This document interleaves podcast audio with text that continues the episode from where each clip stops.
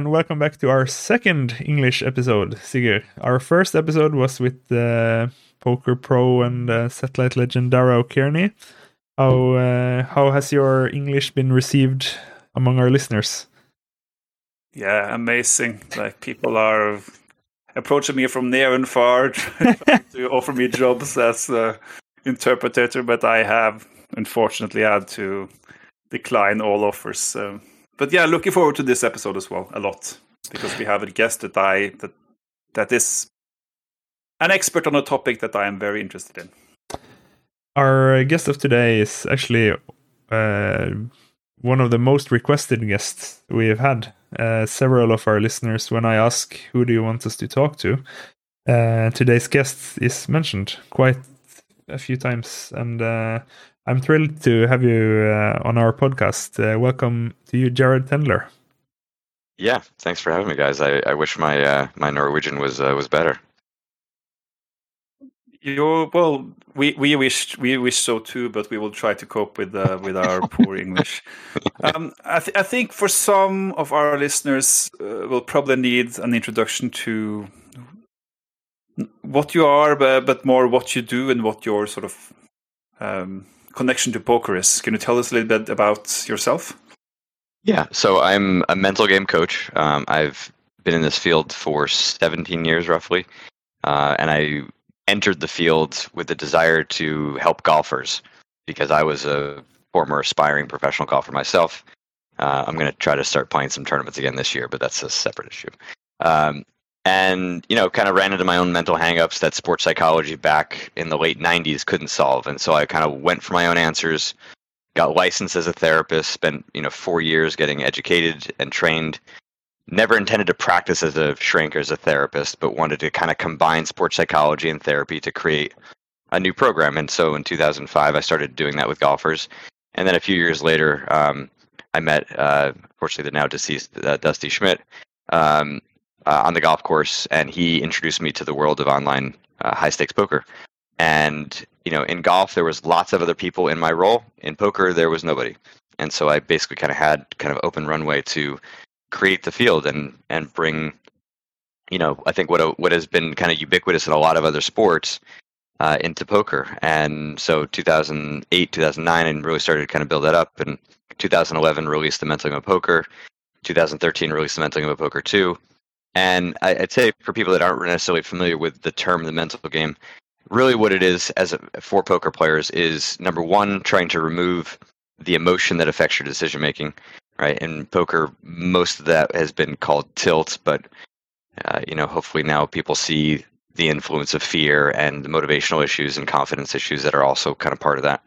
And then the second side of this, which is more of to the second book, is how good can you become, right? I mean, if you're an athlete, right, your job is to get your body conditioned so that you can be at your best. And as a poker player, it's really your mind that needs to be in that kind of shape. And so, how can we improve focus, improve uh, your ability to have endurance and and you know play at a high level longer uh, to improve your decision making and to get in the zone more often. So that really is kind of the second side of this.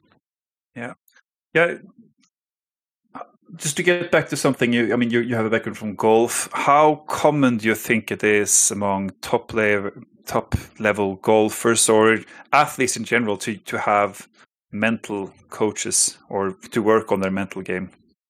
Um, so I have got a few PGA Tour players that I'm working with currently. Um, I'm actually going to the Players Championship uh, soon, and they all have them. I mean, every single one. The ones that don't, I guess not every single. The ones that don't um, are atypical, and they are slowly kind of dying out. Um, it's you can kind of see the curve, right? Because so many of the younger players are coming up, and it just embedded into their early training 11, 12, 13 years old. They're starting to get them now. In college, they have access to those resources. So they come out on tour, and it's just like not even not even a question that they wouldn't have somebody. Now, how frequently are they working with that person? You know, that's sort of to be determined. But you know, I've got one guy that I talk to maybe two or three times a year. Right, whenever it's a problem, we kind of brainstorm. And I have another guy that I talk to weekly. So it's it's not a question of you know, uh, and, and and this is I think true for athletes across the board, not just golfers. It's not a question of um, uh, you know whether you're working with somebody. It's just a question of how frequently, in what form, Um, but if you don't have uh, somebody or you're not actively working on your mental game, you are by definition not able to actually tap into your full potential because every single player, poker player, uh, golfer, athlete, person has some mental, psychological, emotional weakness, right? Because we are not perfect. So as a result of that, the question is, you know, how actively, how educatedly are you actually able uh, to to work on that side of the game?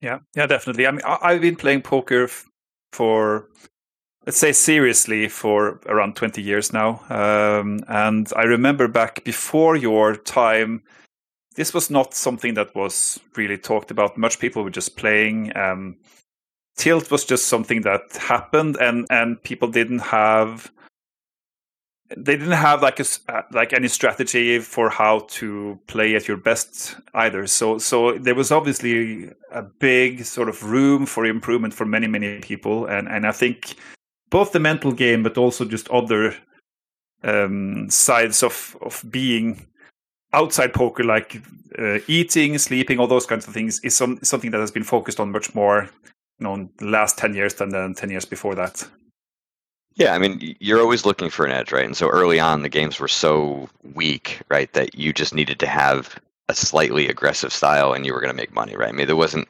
complicated to make money. Um, and, you know, like anything, right, as the game becomes more sophisticated, as players continue to get better, right, there becomes a cap as to how much you can get better just by working on the technical side. And if the technical side is being significantly diminished, by the mental side because you're tilting, because you're losing focus, because you're getting bored, whatever, right? Well, then what's the point of even working on the technical side, right? There's you're not going to escape those problems. It's just going to keep kind of undercutting you. And so, to me, it's just like peak efficiency is understanding kind of which side of the game is the weakest and making sure that you're kind of buttoning up on it. And sometimes it's, it is going to actually be technical, and sometimes you might get frustrated and it might seem like a mental issue, but you're actually getting frustrated because you're facing a similar type of aggression. You're sim- facing similar spots, and you don't have the answer, hmm. right? And so, yeah, like the the the option either is to get frustrated and do something about it and correct it technically, or not get frustrated and just sort of accept that you're getting outplayed in those spots. Like that doesn't make any sense. So sometimes we have to make sure that the that the emotional side is being diagnosed properly, and it's not always it doesn't always mean that there's like mental and emotional weakness that has to be corrected. Sometimes it is relevant in helping you to understand, you know, either uh, where you're weak or you know you might have some, uh, you know, sort of spidey sense that might turn up as a little bit of fear. Like you're really worried about you know bombing the river here, and it's probably because your opponent has something that you should be fearful of, right? So being able to sort of distinguish that actually is a lot easier when you are working on your mental game and understand when your own biases, your own flaws kind of get thrown into the game versus when it's the other way around and your emotions are actually kind of part of your intuition, part of your sensation as to what's going on.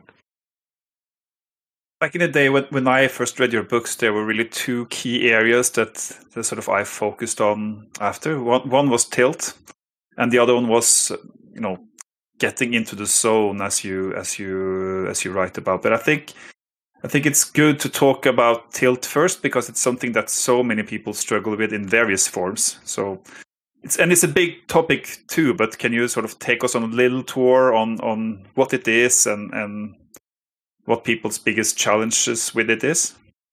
Yeah. So when I came into poker, tilt was basically anything other than playing your best, and it could be because you're drunk, right? I mean, it it was anything. And I think for me, when I looked at you know the the hundreds of poker players that I'd talked to, the thousands that I had interacted with in forums, a vast majority of the time people were talking about getting angry.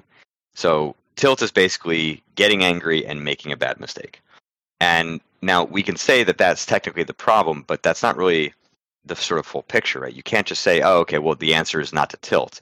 We have to better understand why it is that you're getting angry and then doing something dumb and there's a variety of reasons. And in the book, I talk about you know sort of the seven different types of tilt, right? Running bad tilt, injustice tilt, right? Running bad tilt should be obvious. The injustice tilt is one of the most common forms of running bad tilt, which is basically you get unlucky and it feels unfair to you. And you know, of course, poker isn't fair. Like life isn't fair, but yet we still have this belief that it ought to be, and sometimes it's just got a mis- misguided societal ethics that get applied in a game that uh, you know is is not really designed that way. Um, then you've got like just the classic hate losing tilt, which I think is very common for people that are very competitive. That just they just hate losing. Uh, now, on the surface, right, that's not necessarily inherently flawed, right? I don't want you to love love losing either, but yet in a game like poker and trading, and even to to a, to a larger degree golf, where there is variability, right? There is luck that's involved, and you don't have full control. Right? You really need to love being at your best because that gives you the best opportunity to win in the long term. Um, you know, hate lose, uh, mistake tilt, um, uh, entitlement tilt, which is sort of the classic Phil Hellmuth tilt, um, uh, desperation tilt, uh, and revenge tilt are sort of the seven. So, you know, there's a lot of reasons why you can get angry. And you know, in my experience, and we're we're 11 years since the book was released, I've yet to find an example of tilt that doesn't fit into one of those seven categories. And it's not to say that there aren't other reasons that you might get angry. So, for example, um, you know, uh, another player is kind of berating you, and you're getting angry and kind of pissed off at that dynamic. You know, but it's going to fit into one of those categories in some some way, shape, or form now. Nope. I also I was wondering about tilt because when I when I look at myself from the outside, I think my main tilt is that I don't care anymore. Is the, uh, or like when when we go on a like a bad streak and lose a few hands, and then you get to a point where you think, yeah, it doesn't matter what I do. Is that's that's a result of you tilting, right? Yeah. So, but is is that tilting still, or is that something else? Uh, it's likely something else. I mean, so again, I think yes, it's you playing suboptimally, right? Because you've now kind of checked out. But when we're trying to actually solve this stuff in a permanent way, we have to we have to treat it somewhat differently than than just sort of the pure anger, which is what I would say characterizes tilt. What you're describing feels more like a lack of hope, uh, a feeling of a loss of control, which has more to do with confidence than it does with with anger. So what what what what do you think are good approaches with? Uh... And, and sorry, actually, I should say one other thing about uh, about anger too. Um, a lot of people think that that tilt is only something that is very obvious, right? It's this sort of big explosion of anger, and it's very large. There's a lot of players for whom it's actually very internal, and it's this inner sort of seething and steaming, and it's sometimes it is hard for them to recognize. So don't just think that you don't have tilt just because it doesn't show up, uh, you know, very often. But so back to your to your point. So so now there are people for whom, um, in the past, they've got they got really angry, and their way of sort of dealing with that anger because they didn't have really a solution for it was to actually do what you do, which is to stop caring. So it's sort of on the surface you're pretending to stop caring, but the only reason you're doing that is because you're trying to counterbalance the anger. Because if you if you continue to care as much as you do normally, your head's gonna fucking pop off, and and and that's that's that's the sort of a bigger problem, right? So the the not caring can be a symptom, right, of of that anger. But if it's not that, and it's more of a sort of a pure, you know, feeling like, all right, well, I'm losing, I'm getting run over, I I'm getting a lot of you know bad luck, and yeah, I start to kind of check out mentally because I don't feel like I have the ability to control my results in the short term.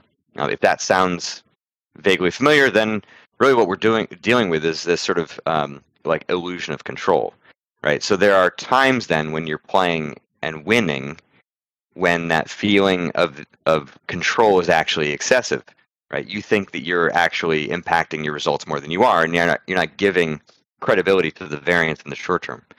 So then when it starts to go the other way, it's going to get taken from you, and that getting taken from you results in this feeling like you're losing control and kind of give up around that. I mean, I think the the general antidote that I would give, and I think it's this is one of the most important tools that I use with my clients. You can go on my website and download this this worksheet for free. It's called an A to C game analysis, and basically all you are doing is describing your A game, your B game, and your C game.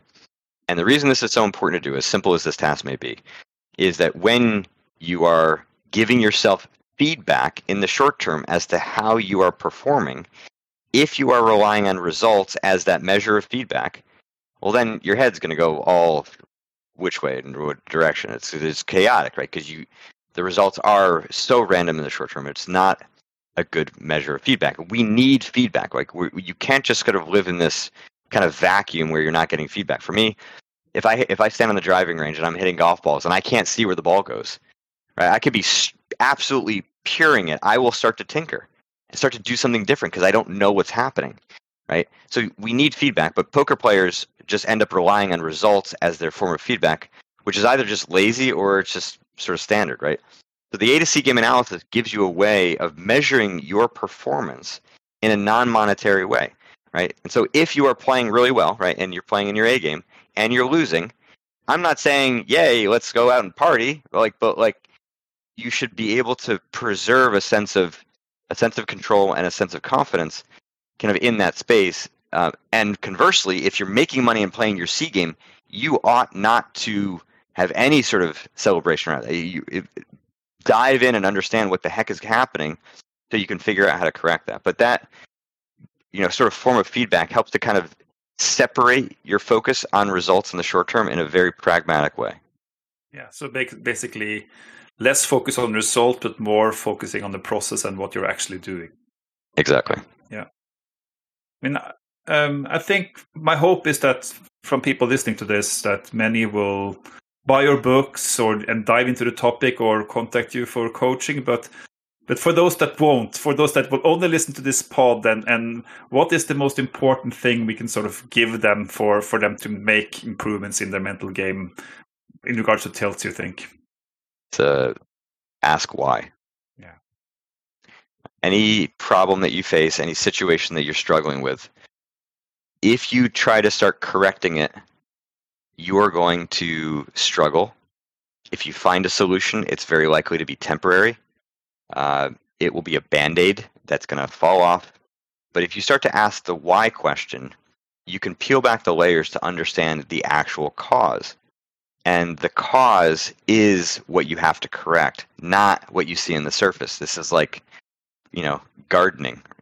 You go to pull a weed out. If you don't get the roots, the sucker is going to grow back. And so what you see above the surface is not the full picture. And so, yeah, there are problems that are quite basic. And if you get a, a, a, a correction that rapidly, uh, you know, fixes it, then yeah, those those roots were very very minor. But for most people, when there are recurring problems again and again and again, uh, there it doesn't matter what you think about the problem you do not have the full picture. And there's more to understand. And so get rid of all the, the, the self criticism. It's irrelevant. It's not helping you, it's only making things worse. So just start to be curious, right? Start to ask why. Like, why am I feeling this way? Why am I thinking this way? Why am I playing this way? Why am I making this mistake? That why question is pretty powerful, and it's the most simple thing you can do to start, uh, you know, that problem solving. And you may not get answers right away. Some people do. Some people takes weeks, months. Fine, just keep asking the question every single time it happens. You're indicating to your mind that understanding this is important, and you are ch- changing the game with which you're playing kind of internally. So, yeah, that's the most simple way to get started. A concept that really sort of made sense to me when I read about it was this term called positive tilt, um, which I think you describe as something like sort of if you are doing too well, you can end up making adjustments to your game based on the idea that it will continue because you just whatever you do, you're sort of winning. Can you talk a little bit about that concept? Yeah, so I think a lot of poker players will call it winner's tilt uh, as well, um, and I don't consider it tilt. I think it's just a name, right? Um, yeah. And and the name uh, is really implying uh, overconfidence, right? So overconfidence uh, let me let me give you a little bit about confidence. All right, confidence is basically perception. Okay, so if you had a perfect ability to recognize your skill set, your confidence would always be accurate. But people have difficulty understanding what their skill is. Some are overconfident and they believe they have more skill than they actually do. On the flip side, people who are underconfident have think that they have less skill than they actually do. So the game, in my mind, with confidence is try to be more as accurate as you possibly can. With winner's tilt or positive tilt, right? You are predicting more wins. You are predicting something in the future that you can't actually predict, and yet you believe you can, which you think is a skill of yours. So you're overconfident about your ability to know what's going to happen. And you know, in a way, it's like you're becoming a psychic, right? Somebody who can predict the future. And if you could actually do that, you wouldn't be playing poker. You'd be doing something else. you, you, you, uh, you know, uh, trading in the markets, uh, you know, sports betting. I mean, there's there's a, a lot lot bigger upside, right? Point being, uh, we're talking about uh, perception, right? And that perception gets altered by a belief that you know is not necessarily rational. Like that's that's what makes some of this so difficult for, for people is that they they recognize like oh, of course i know i can't predict the future. And yet in that moment you believe that you can. Like how is that possible? How is there that gap between what i'm thinking in general and what i'm believing in that moment? And that is really kind of what this game is all about right everybody has these sort of deeper flaws or biases or illusions or wishes that they're kind of harboring in the background of their mind. And these are the underlying kind of roots of the problem that I'm talking about. So when you start to ask the why question, you know, in those moments, and really the books are designed to help you kind of debug your your system in a sense, right? Brainstorm what those underlying performance flaws are so that you can recognize that, ah, yes, okay, this is how I'm thinking. Well, if you're thinking this way, it means that you believe you can predict the future. Right? If you're having winner's tilt, you believe you can predict, predict the future. Because if I were to say, all right, now just imagine, uh, you know, to, to you, let's say, you know, this a problem, you know, uh, fifth session in the last two weeks, uh, you know, you're up 15 buy-ins. Um, you know, and and up another two buy-ins in this session that you just started, and all of a sudden you think, oh my god, I'm going to go on this uh, great trip. Uh, I'm going to move up in stakes and all these things that are going to happen. And I were to say to you, um, all right, uh, Sigurd, uh, I actually can pre- predict the future, and I'm going to tell you that at the end of the session, you are going to be down money on the session. Right? Instantly, right? Your prediction changes, and so this this idea that you could predict the future doesn't seem real, but when you are not connected to the downside risk, the range of probabilistic outcomes that are just a part of every hand, every session, period, then you are believing a lie, which is that I can predict the future. And so, even if it's really small, and even if it only shows up in these situations that are extreme, it doesn't matter, right? The fact is that it's happening, and it's you know kind of part of your um, you know kind of psyche in a sense. Do you think overconfidence or underconfidence is most common in poker players? Overconfidence, not even close. Yeah, but wh- why? Why? Why is that? When when when we uh... general society is overconfident. Yeah. Right? So if you do you do look at research around um, topics like uh, IQ, sense of humor, level of attractiveness, you know it ranges between 70 to 80 percent of people believe they have above average in all of those criteria. I mean so you just you look at the the sample across the people that tend to get buy my book tend to get help are not the ones that are overconfident. I mean they don't think they need it. That's that's the whole point. It's like the hardest thing to do is to crack through somebody's overconfidence right? They have to actually want to improve and recognize that they have blind spots, so they're even aware of their weaknesses, even if they're overconfident in other ways. Uh, but yeah, overconfidence is far a bigger issue in Western societies. Now, I think you start to get into um, cultural differences for sure, right? There's going to be some variability there, but you know, by and large, overconfidence is a far more common. Um, I mean, look, poker players early in their career, right? I mean, they just think it's going to be easy right? They see people on TV, they see their friends. It just, you know, the halo effect makes it feel like, oh yeah, of course I could do that. You could do it. I could do it. Yeah. Okay. Well, sure you can, but what's the road look like? I mean, they, so there's there's overconfidence about how quickly they'll be successful. There's overconfidence about uh, how fast they're going to learn. Overconfidence about how easy it is to learn. How simple the game is. How much more they already know. Um, how much uh, how much they're going to diminish the the knowledge and experience of other people.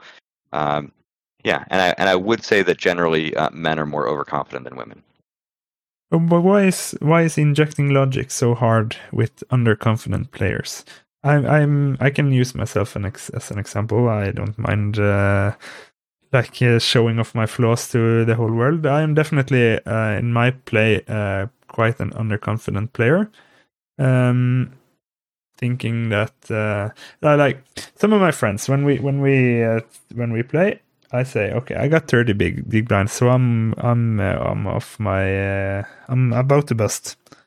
So why why do I why do you think I detach myself from a quite common situation like 30 big blinds is like almost always average sized stack and I, I don't know if I get across with a question here, but yeah, yeah. So, so um, injecting logic, just for those that aren't familiar, right, is basically my term for um, like kind of the in-game real-time strategy and how you start to improve those issues. Now, if injecting logic is not going to work, that means that the emotions are already too big, or the statement that you're using is not potent enough to understand kind of the full scope of what's going on.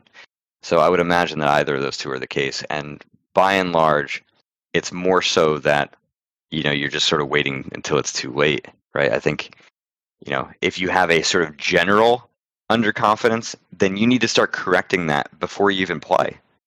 And then are weaving it in like you know every 15 20 minutes it's just got to it has to be kind of woven in. And then you're also kind of um, not just working on changing your mentality you're working on changing your play style right? So you know when you start to feel right like that you're going to phone it in like that's too late. Like the emotions are have already kind of pulled you down so far that to try to recover is almost too hard. And one of the things you're describing, right, is this loss of control. It's like, well, how am I going to control my mind if I don't feel like I can control my result? It's like there, there's sort of layers upon layers. So it is important that you're kind of reaching kind of each piece of that. And so, you know, for you, I would say start the session, start the tournament with an idea. Okay, I have I have the potential to control how I play. I have the potential to control my attitude, my my desire, my effort. And I'm saying potential because it's not absolute, right? Like it's not a guarantee, right? You have a, you have a, a range, right? An A to C game in a sense in terms of uh, your play style and and in terms of your effort. So um, you're kind of motivating yourself around your goals and your desire to be better to see some measurable improvement. You're not asking for perfection. You're not expecting that there won't be any kind of flashes or reactions that are going to pull you down, especially if uh, the tournament's not going well. Uh, but you are kind of prepared for a sober recognition of what you're going to do, to, what you're going to need to do to fight to be better, and and that's what you're going to do. And so then, in those moments where those signals that you're starting to kind of give up appear, let's say you've got, you know, uh, 80 bigs and lose a decent sized pot and now you're down to like 55 and you can kind of feel a little bit of the air let out right? It's not in the give up phase yet but now you're in sort of this danger zone where if you lose another hands like your mind is going to go out the door. That is where you need to be fighting. Right not not at 30 i, want to talk to you about the zone because i think most poker players so i don't know but but i have often felt, you know, not often, but in the good times, you're, when you're playing well and you're running well and just everything fe- feels like it's falling into place and you're focused and you can make small reads and you and you sort of feel feel good. It's something that you mentioned like the zone and and ideally we always want to be in that zone where we're playing well. But I think for most people it feels like it's something you can't control. It's either there or it's not. But but um, I want to talk to you about it because because this is something you've written about. And, and can you tell us about the zone and how to get there? Yeah, I mean the zone is as predictable as tilt. Yeah. Um, you know, once you understand the factors that produce anger, the factors that produce the zone, right? You can uh, diminish the frequency of, of tilt and try to increase the frequency of the zone. Um, so it is impossible to be in the zone at all times, right? Unless you're playing at such a small frequency that it's not even necessarily worthwhile as a poker player to uh, to measure. Um, it it is a place that is sort of full of energy, but the right kind of emotion, right? The right kind of intensity for you, and that energy is variable, right? Some people it's sort of this zen-like calm, some it's this like bug-eyed like intensity, and then I think the majority is sort of somewhere in between.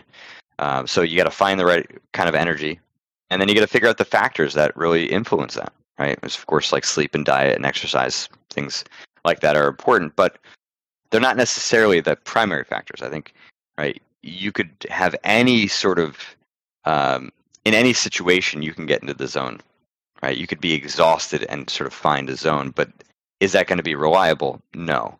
So the question is like, how reliable is it?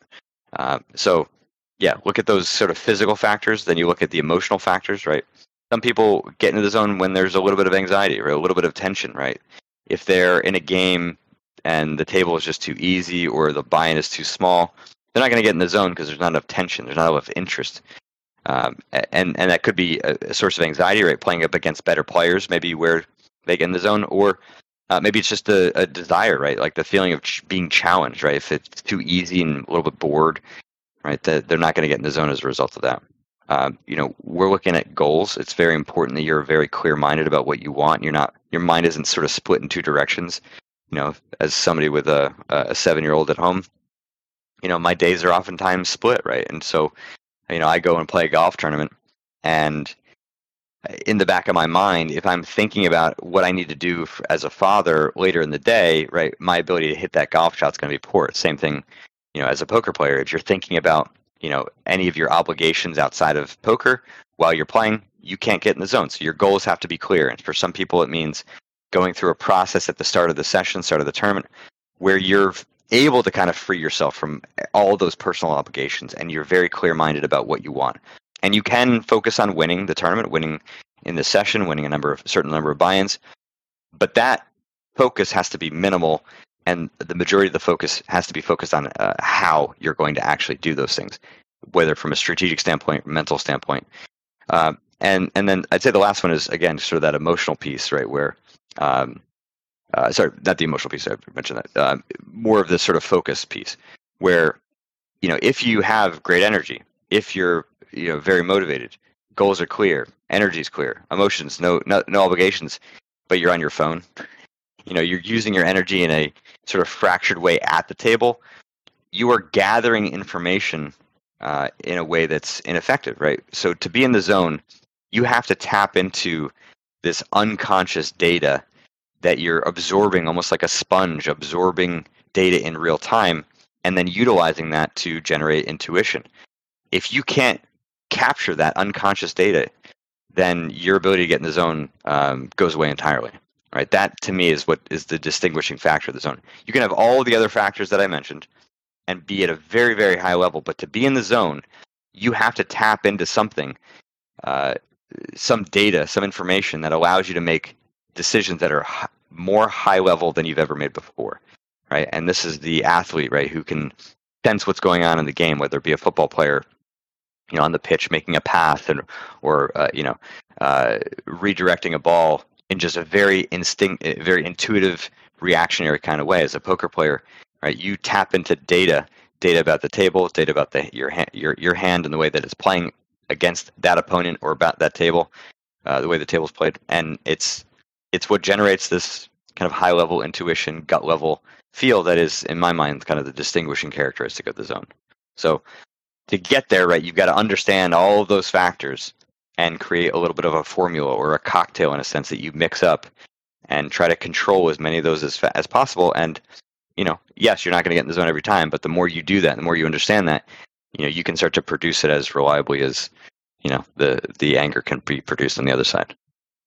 Yeah, so uh, so I suppose some ways you can do well things you can do to prepare yourself is to have like a warm up, for instance. I mean, a mental warm up, or you listen to, you know, a favorite piece of music, or you just have the have notes on on things you want to focus on or something. But I, I think it's a good idea, and I, I think you're also right about this to, to to find yourself, you know, find a way to sort of get yourself in the right state of mind before playing instead of you know spend five minutes ten minutes wherever you need to, to get there instead of just sitting down at your computer or at the table and starting without any preparation yeah there's not an athlete on the planet that would uh, go compete without doing some kind of warm up. Yep.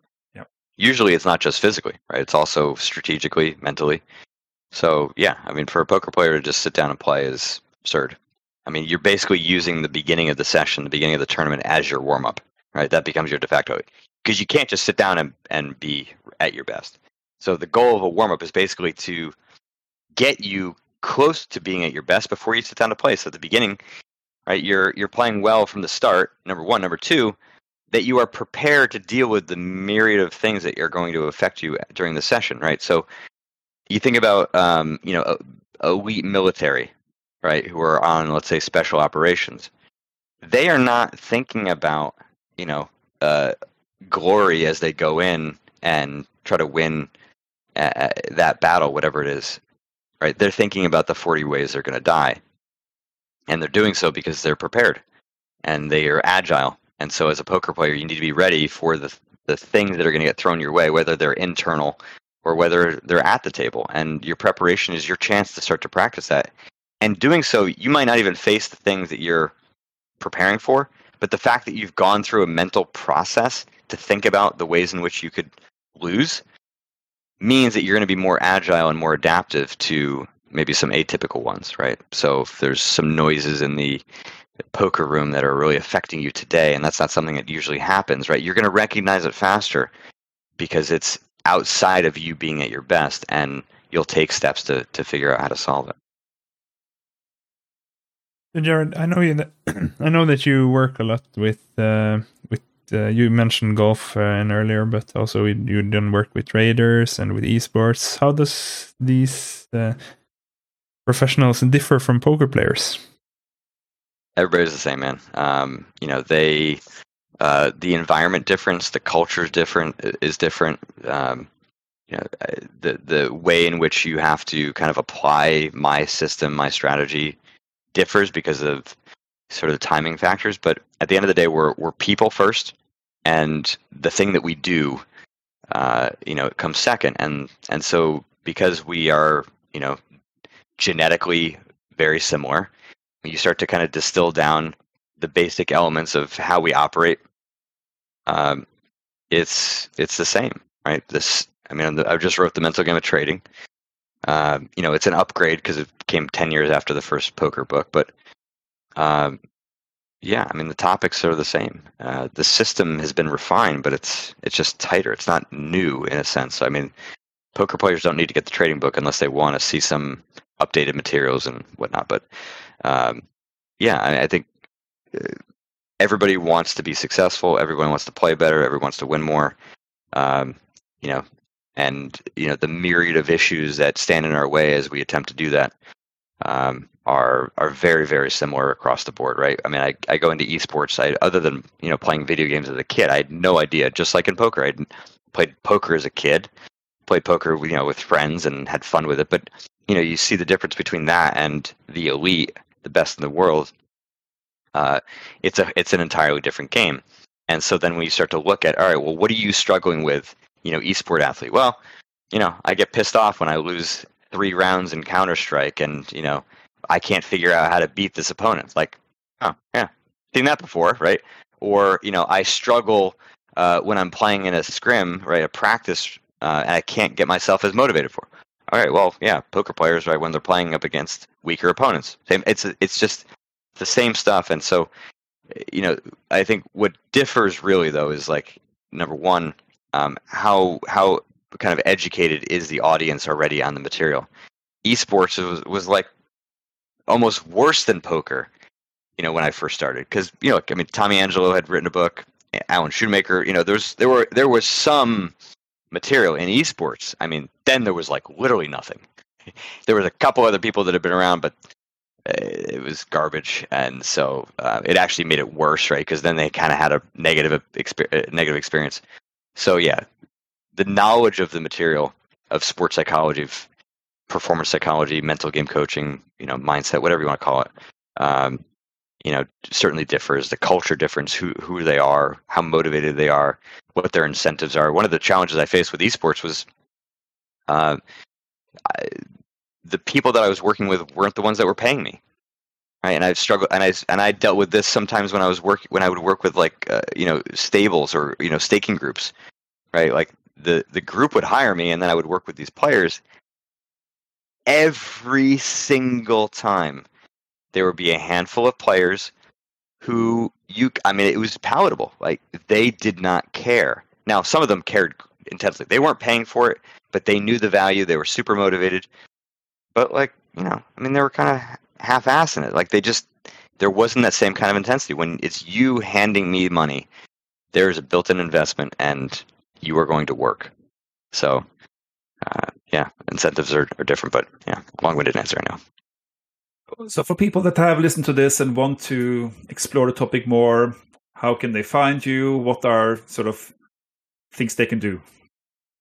Uh, jaredtendler.com, uh, my website. Um, there's a resources tab on uh, on the top. You know, go there, download worksheets. Um, you know, you certainly can. Uh, I think there's a there's an intuition ebook that I've I've, I've written as well. That's just free. Uh, but yeah, I mean, certainly you pick up the books, right? That's sort of the best way to kind of better understand what I'm doing. Um, and I'm also pretty active on Twitter um, at Jared Tendler, um, and I'm you know pretty available to answer questions. Like I I like interacting with people. Um, you know, I see questions all the time, and I also am challenged by the idea of trying to solve problems. Uh, you know, kind of like what we did our, earlier with our friend here. Um, you know, without a lot of context. When I work with a new client, I have them fill out a detailed questionnaire, and it's you know 10 pages long, and there's a ton of information, so that when we sit down and talk, you know, we get right to the heart of the issue. Uh, but I think it's fun sometimes to not have any of that and see how quickly uh, I can kind of solve it. So, uh, yeah, I'm down. Jared, thank you so much for uh, joining our podcast. It's been a great pleasure and an honor to have you on. It's been a really interesting talk, I think. Thanks, guys. Yeah, this was a lot of fun. Enjoy it very much, and uh, certainly happy to uh, you know encourage uh, poker in Norway. We'll make sure to uh, to tag you on Twitter and uh, provide links and all the information when this episode drops. And um, so, if if any of our listeners want to dive into the topic of mental um, the mental game, we would highly recommend uh, Jared's books and his uh, webpage. So you can find all the information you're looking for there. Next week, we will talk to another Norwegian professional poker player. So uh, stay tuned for for good content next week. Until then, run good.